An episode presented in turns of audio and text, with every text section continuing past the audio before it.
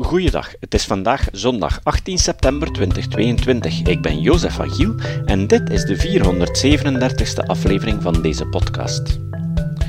Thomas Rotier en Jan de Schoolmeester zijn van oordeel dat het idee om klimaatverandering te bestrijden door te consuminderen niet effectief is. Ze schreven er een boek over. De wereld red je niet met minder, minder, minder. Op 22 juni was er de boekvoorstelling in het Geuzenhuis in Gent in samenwerking met Replanet. Vandaag horen jullie het tweede deel van die opnames. We gaan verder met de vraag naar de rol van biolandbouw in de strijd tegen klimaatverandering.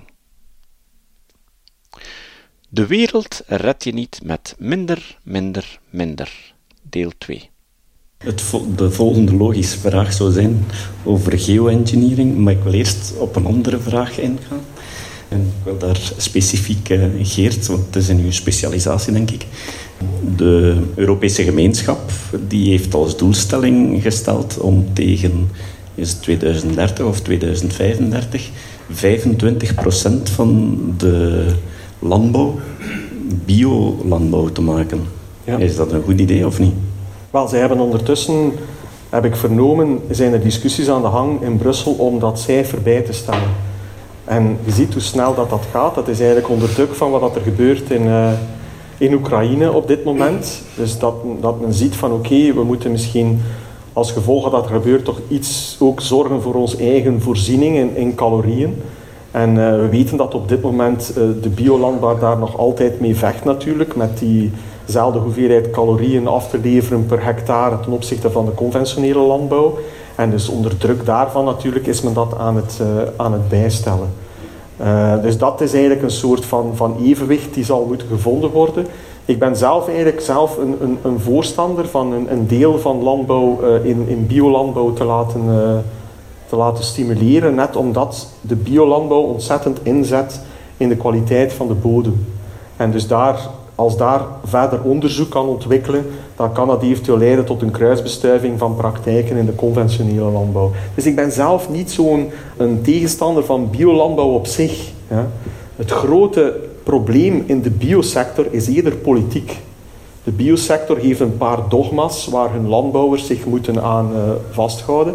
En daar ben ik zelf een rabiate tegenstander van. Niet zozeer tegen die biosector, die biolandbouwers zelf, die vaak zeer interessant werk eh, leveren en die hoge kwaliteitsproducten vaak eh, ook afleveren.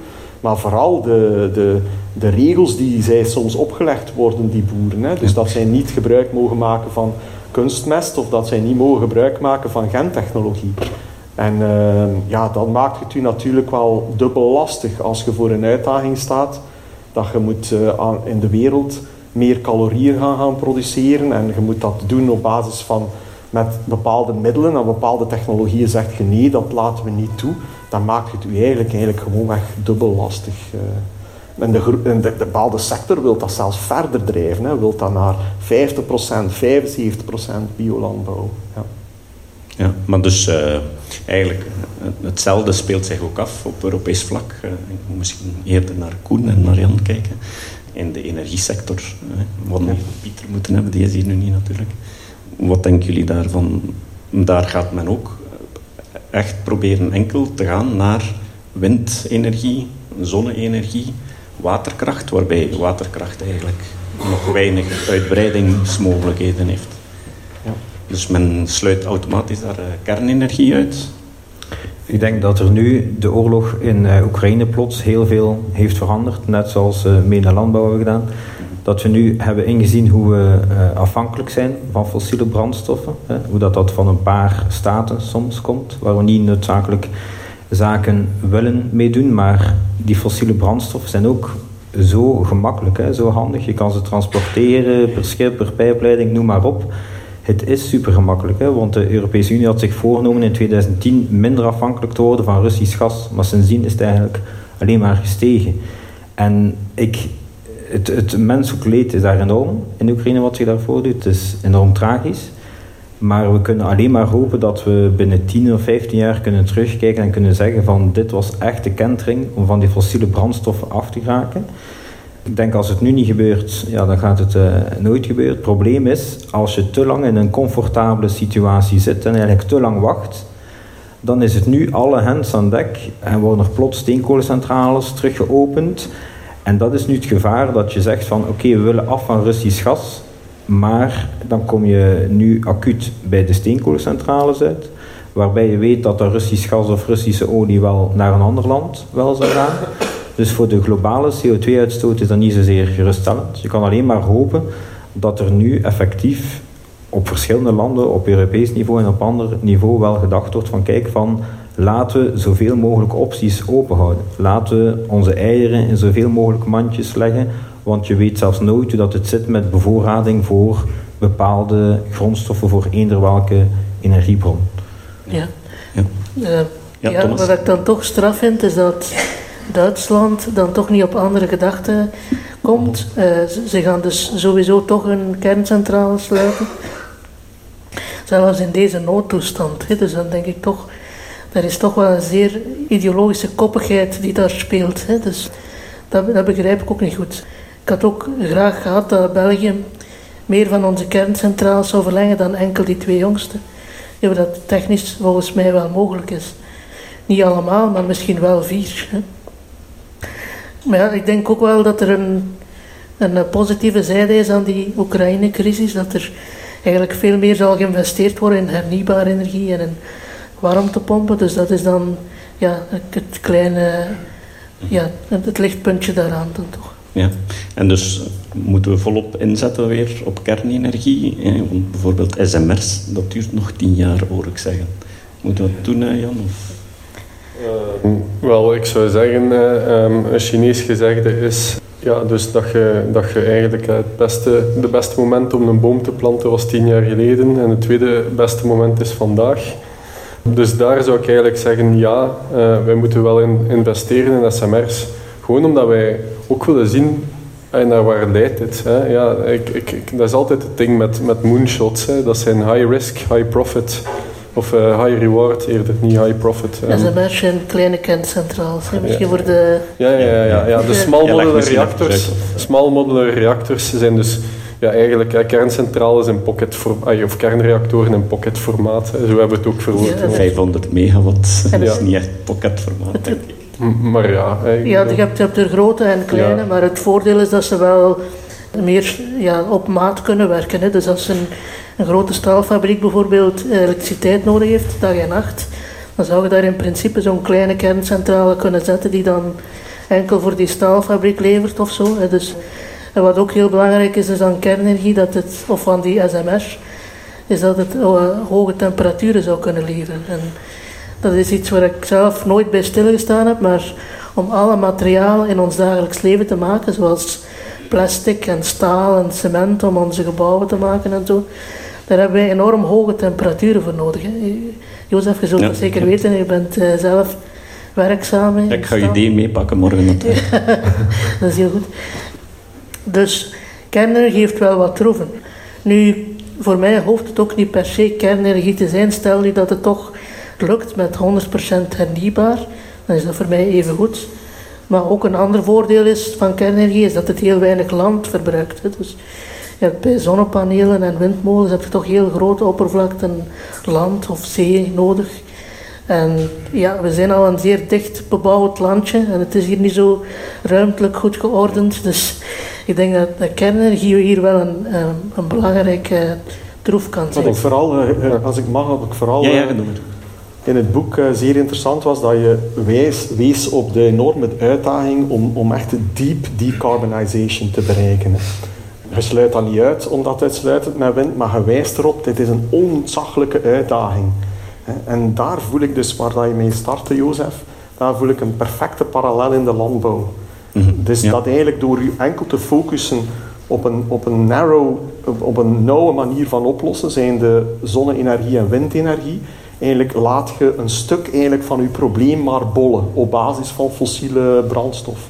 In de landbouw heb je iets parallel. Hè. Door je te gaan focussen op je biolandbouw, die weigert om echt moderne technologie te gebruiken, voorkomt je eigenlijk dat je harde conventionele landbouw, die deel van het probleem is van klimaat, dat je dat eigenlijk niet opgelost krijgt. Omdat je ook die conventionele landbouw niet toelaat om die moderne technologie te gebruiken. Dus ja. het is heel belangrijk om dat te beseffen. Onze, onze leuze is altijd, we moeten meer halen uit minder. Dus uh, bij kernenergie is dat uit, heel weinig uranium kun je massa's energie halen. Dus uh, 1 kilo uranium die bevat evenveel energie als 3 miljoen ton steenkool. Dat is waanzinnig.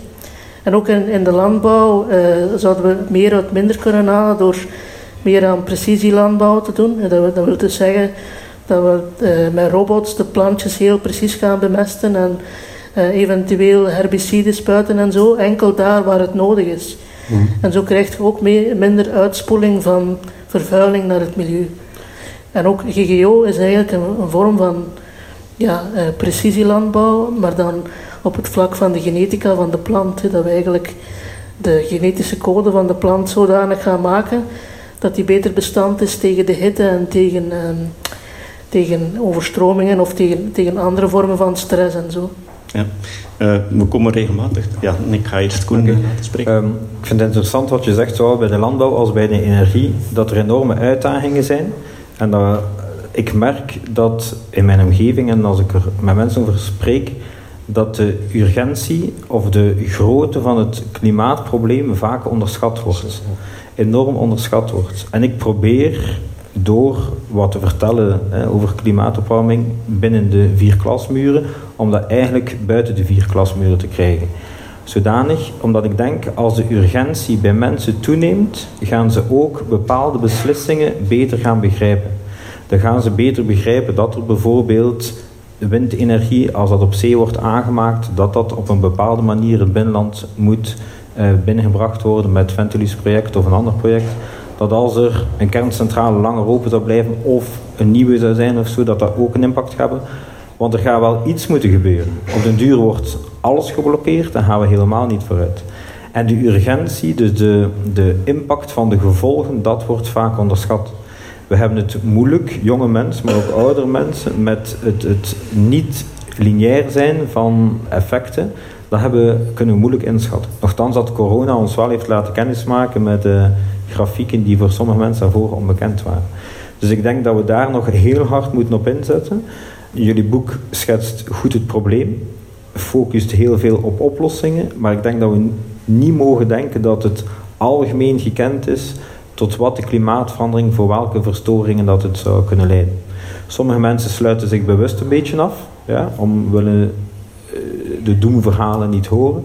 Maar ik denk dat we daar ook voor moeten opletten eh, om de echte ja, gevolgen of de scenario's die er zijn, afhankelijk van welke temperaturen we ermee uitkomen, om die eigenlijk een beetje te verdoezelen. Want dan ga je het een beetje ja, zachter maken. Maar dan gaan de oplossingen niet in verhouding staan tot wat er nodig is. Dus je mag effectief duiden welke gevaren dat er erin schuil gaan, want er is niets fout met je zorgen te maken. We hebben ons zorgen gemaakt over het gat in de ozonlaag. We hebben daar een internationaal verdrag voor afgesproken. We hebben de krachten kunnen bundelen en we hebben daar eh, een oplossing voor gevonden. En dat is net zo fijn om ook aan jonge, mensen te kunnen zeggen: Oké, we zitten met een probleem, maar het is ook echt goed nieuws dat we weten wat de oorzaak is. Het is niet zoals in die film een of ander iets onbekend uit de ruimte dat naar ons afkomt. We weten dat aan die fossiele brandstoffen ligt. En dan volg ik u dat je niet aan mensen kan zeggen of dat je ze moeilijk meekrijgt door te denken dat ze terug naar paard en kar of in een bos moeten gaan leven. En dan is het fijn om het voorbeeld te geven van die Prinses Elisabeth station. Dat is een basis waar het aangenaam vertoeven is, waar je gewoon in een t-shirtje kan rondlopen, waar je geen eh, fossiele brandstoffen nodig hebt om daarmee rond te leven. Als je dat vergelijkt met als je naar je oma gaat in de winter, dan is het toilet ijskoud, vries je daar vast op het toilet, moet je een koude gang door en is er één kamertje verwarmd in dat oud, niet geïsoleerd huis. Als je aan jonge mensen en die leerlingen kan tonen, vermoedelijk als jullie ergens gaan wonen, gaat dat een bijna energie-neutrale woning of een passief huis zijn. Dat heeft ook echt comfort. Maar toch sta je voor de ontzaglijke uitdaging, Koen, kan gelijk dat je moet nadenken denk ik, over de communicatiestrategie die gevolgd wordt om dat te bereiken. Absoluut. De mensen zijn niet minder kinderen beginnen maken omdat ze bang waren van de overbevolking. Ook omdat de overbevolking een ontzaglijk probleem was, een doemscenario die geschetst werd. Nee, het was eigenlijk door uiteindelijk het voorhanden hebben van technologie, hoe eenvoudig ook, dat de mensen heel snel die transitie, plus natuurlijk een voordeel voelen van minder kinderen te hebben. Dus hier ook denk ik dat we als maatschappij moeten nadenken over de communicatie die we doen. Het maakt volgens mij niet altijd zin, en dat is waar het boek denk ik de titel op duidt, om altijd op te wijzen en het moet minder dat en het moet minder dat. Mhm. Ik denk inderdaad dat je gelijk hebt dat je de, dat de, de, de uitdaging van het probleem en het, de, de essentie van het probleem zeer scherp moet stellen, maar het moet hand in hand gaan denk met ik met de oplossing. Absoluut. Ja. Absoluut. Inderdaad, ik vind het een zeer belangrijk punt om, uh, om die goede klimaatcommunicatie of ja, dat ons zeggen communicatie over het milieu in het algemeen, ook over biodiversiteit en zo. Om, om zeker die urgentie in de verf te zetten. En dan zullen ook mensen uh, ja, meer openstaan voor alle soorten oplossingen die er zijn, omdat ze weten dat ja, het water ons een beetje aan de lippen staat. Ja. Misschien overdreven, maar toch? Nee, maar ik, dat is net daarom waarom ik de website heb uitgebouwd. Omdat het mij stoorde dat jonge mensen die op Instagram en Facebook veel beelden binnenkrijgen, dit die vaak heel negatieve berichten binnenkrijgen. Het is ook gemakkelijk om een koala in een bosbrand daar een beeld van te maken en dan mee te verspreiden. Dat, dat treft mensen, kan gemakkelijk gedeeld worden. Maar we moeten die 17, 18 jaar naar wie ik lesgeef, wou ik ze echt een vorm geven, wou ik ze een plek geven waar ze oplossingen kunnen vinden. Hè?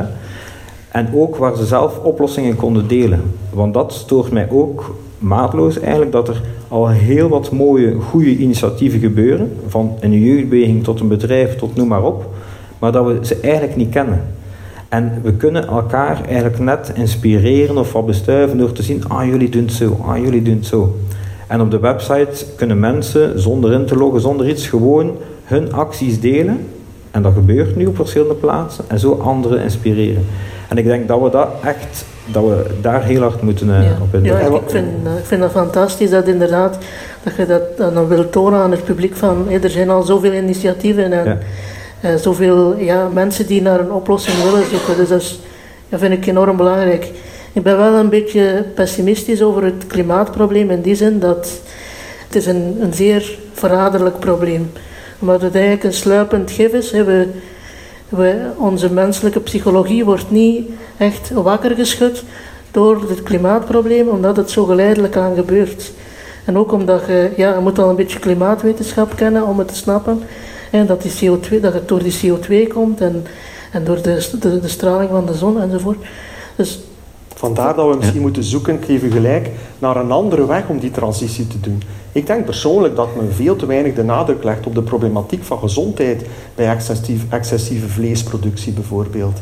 Eerder dan dat altijd te koppelen aan dat klimaat. Ik denk als je op de persoonlijke gezondheidssituatie van de mens gaat focussen, dan misschien die transitie gaat sneller aan. Hetzelfde, je, schrijft in uw boek hoeveel mensen jaarlijks sterven te gevolgen van, van, van uitlaatgassen van fossiele brandstoffen. We staan daar veel te weinig bij stil. Dat moet veel, te, veel meer in de verf gezet worden. En mensen gaan zich veel sterker dus- aangesproken worden om, om, het, om daar iets... Uh, inderdaad, omdat die feedback dan sneller is. Hè. Dus luchtvervuiling ademt je in en iedereen begrijpt dan dat je daar ziek van wordt. En ook, uh, maar ook in de omgekeerde richting, denk ik. Dus uh, als we de stad vergroenen, dan is het ook aangenamer om er te, te vertoeven. Hè. Dus het is goed voor het klimaat, maar het is ook goed voor al wie er rondloopt. Absoluut. En dat zijn voorbeelden waar leerlingen die zelf nog geen auto hebben, zo oor naar hebben. Van kijk, ah, je geeft het voorbeeld van Kopenhagen en je zegt als je dan met de fiets rondrijdt en het regent en het springt sneller op groen voor de fietsers, dat vinden ze leuke ideeën.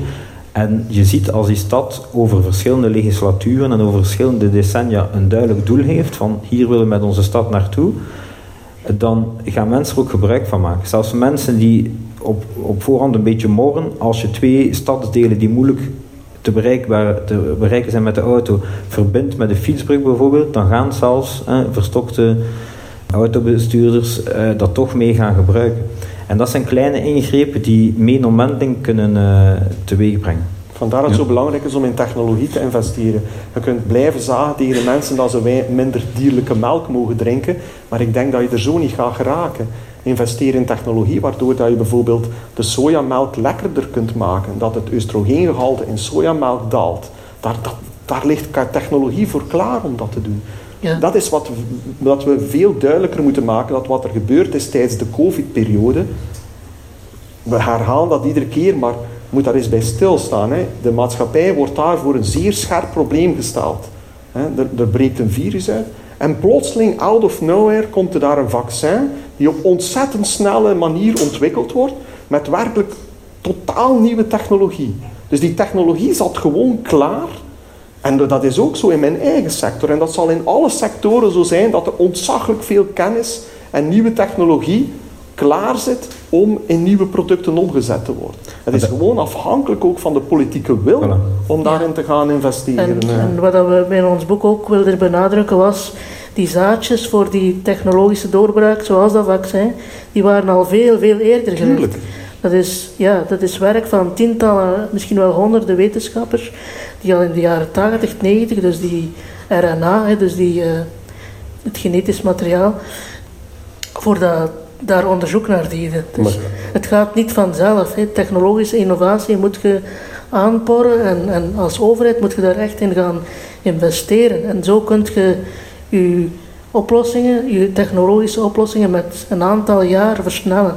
dat maakt een enorm verschil. Maar het gelijk het mag niet afhangen van zo'n scherp probleem van plotseling een pandemie die optreedt. En dat is wat je net, het gevaarlijke van klimaatverandering. Als er geen onderzoek was gedaan naar messenger-RNA, dan zaten we nu met de gebakken peren en moesten we hier allemaal nog een masker dragen waarschijnlijk. Dus, uh, of misschien kon dit zelfs niet eens doorgaan. Maar, dus. maar juist, die technologie heeft juist die troefkaart ook om, om eigenlijk gedragsverandering is in die zin die kan dat bypassen, zo gezegd. Hè, ja. Want ja, veel mensen verwijten ons altijd van ja, jullie wachten hè, op technologie die uit de lucht komt vallen, uh, op technofixes enzovoort. Uh, nee, uh, eigenlijk het tegenovergestelde. We moeten juist die technologische innovatie gaan versnellen, daar meer geld gaan, aan, gaan tegenaan smijten.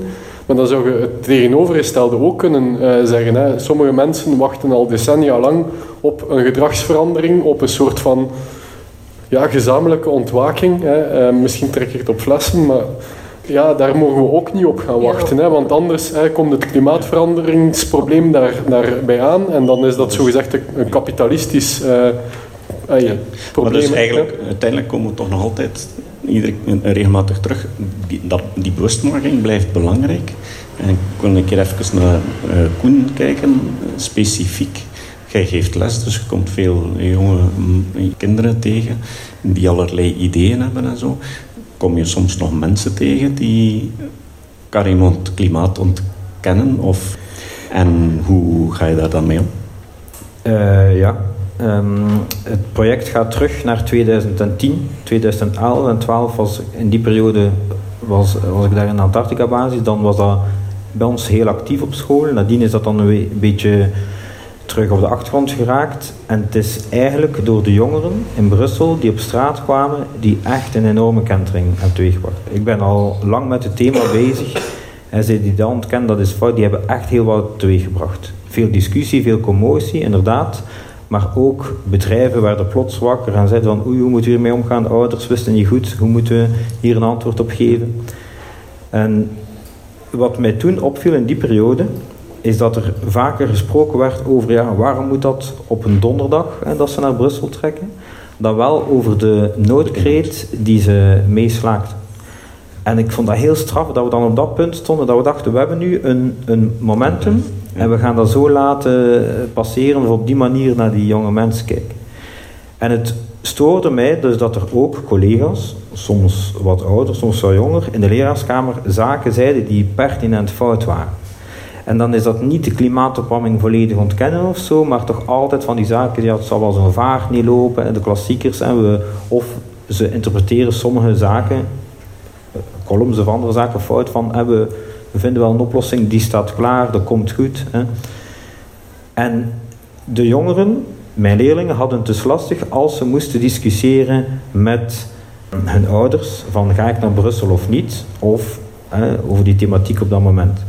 En daarom heb ik ze ook een beetje, dus die website gemaakt, om ze wat eh, achtergrond te geven als er thuis gediscussieerd wordt over een stukje vlees een verschil of niet, dat ze gewoon eens kunnen tonen, ja, kijk hier eens naar het verschil, de impact van kippenvlees ten opzichte eh, van rund. Rundvlees heeft veel groter impact. Om ze eigenlijk wel steun te geven. Hè. Maar dan zijn er nog zaken in dat dus die jongeren die werden in Brussel of de verantwoordelijke uh, uitgenodigd bij de minister. En de minister zei ja, het is, het is wel goed en nobel wat jullie doen, maar vraag ook eens aan jullie leerkrachten dat ze in de leraarskamer in plaats van her uh, wegwerp koffiebekers te gebruiken, dat ze eens een herbruikbare kop uh, nemen om koffie uit te drinken. Toen dacht ik, als dat de minister is die dat meegeeft en die jongeren die protesteren, dat toont dat die minister eigenlijk totaal niet weet waar het over gaat. Die zou moeten zeggen, ja, we gaan proberen nadenken dat we schoolomgeving veilig maken, dat iedereen met een auto moet gebracht worden. We gaan kijken hoe dat we gebouwen gaan kunnen isoleren en energiezuinig maken. Maar je moet niet tegen de jonge gasten zeggen, ja, vraag aan je leerkrachten dat ze koffie drinken uit... Uh, dat is juist een, een heel schoon voorbeeld hè, van hoe dat bepaalde ideeën eigenlijk zodanig en wat dat wij denken dat groen is, hè, um, ja, zo'n, ik ga niet zeggen um, dat, dat is een goed idee, hè, ja, uh, voor alle duidelijkheid, maar, hè, maar het gaat het klimaatprobleem voilà. niet oplossen. Voilà. En dat is het punt een beetje, denk ik, dat, dat veel mensen uh, wel uh, hebben, is, is dat ze denken van ja, dit hier is groen. Hè, en Tuurlijk. bijvoorbeeld, als ik, als ik dan terugkom op bijvoorbeeld kernenergie, kernenergie is niet groen. GGO's of Gent in het algemeen niet groen. Hè. Um, ja, lokaal eten, uh, dat is groen, maar niet lokaal eten is dan weer niet groen. Terwijl dat die nuances daartussen... Allee, ja, er zijn uh, uh, 50 niet 50 shades of grey, maar 50 shades of green. Ja. Dus, um... Ik ga eventjes het uur in toog houden, want we gingen nog een kwartiertje vragen stellen. We hebben nog vijf minuutjes. Uh, en dus dat punt is niet expliciet in jullie boek uh, gekomen, maar wat dat, uh, waar dat jullie wel redelijk uitgebreid over gesproken hebben, dat ik wel interessant vond, dat ging over het uitsterven van soorten en wat dat we daar moeten aan doen. En hetgene waar jullie mee kwamen, dat was eigenlijk een model waar, waar je intensieve landbouw combineert met meer ecologische landbouw en dan grote natuurzones. Misschien kunnen we een beetje meer uitleggen wat, hoe, hoe, dat het in elkaar zit. Hè? Het, het, heet het drie compartimenten model. En dus heb je één zone met intensieve landbouw, maar dan wel hoogtechnologisch en heel duurzaam. Dus uh, met... Uh, maar niet business as usual, hè? dat moet er wel bij zijn. Ja, dus, dus, dus die precisielandbouw enzovoort, hè? Die, die minder uh, gewasbeschermingsmiddelen enzovoort gebruikt. Inderdaad, dus dat je heel precieze landbouwmachines en robots gaat gebruiken om je gewassen uh, te voeden, dus mest toe te dienen en uh, gewasbescherming en zo.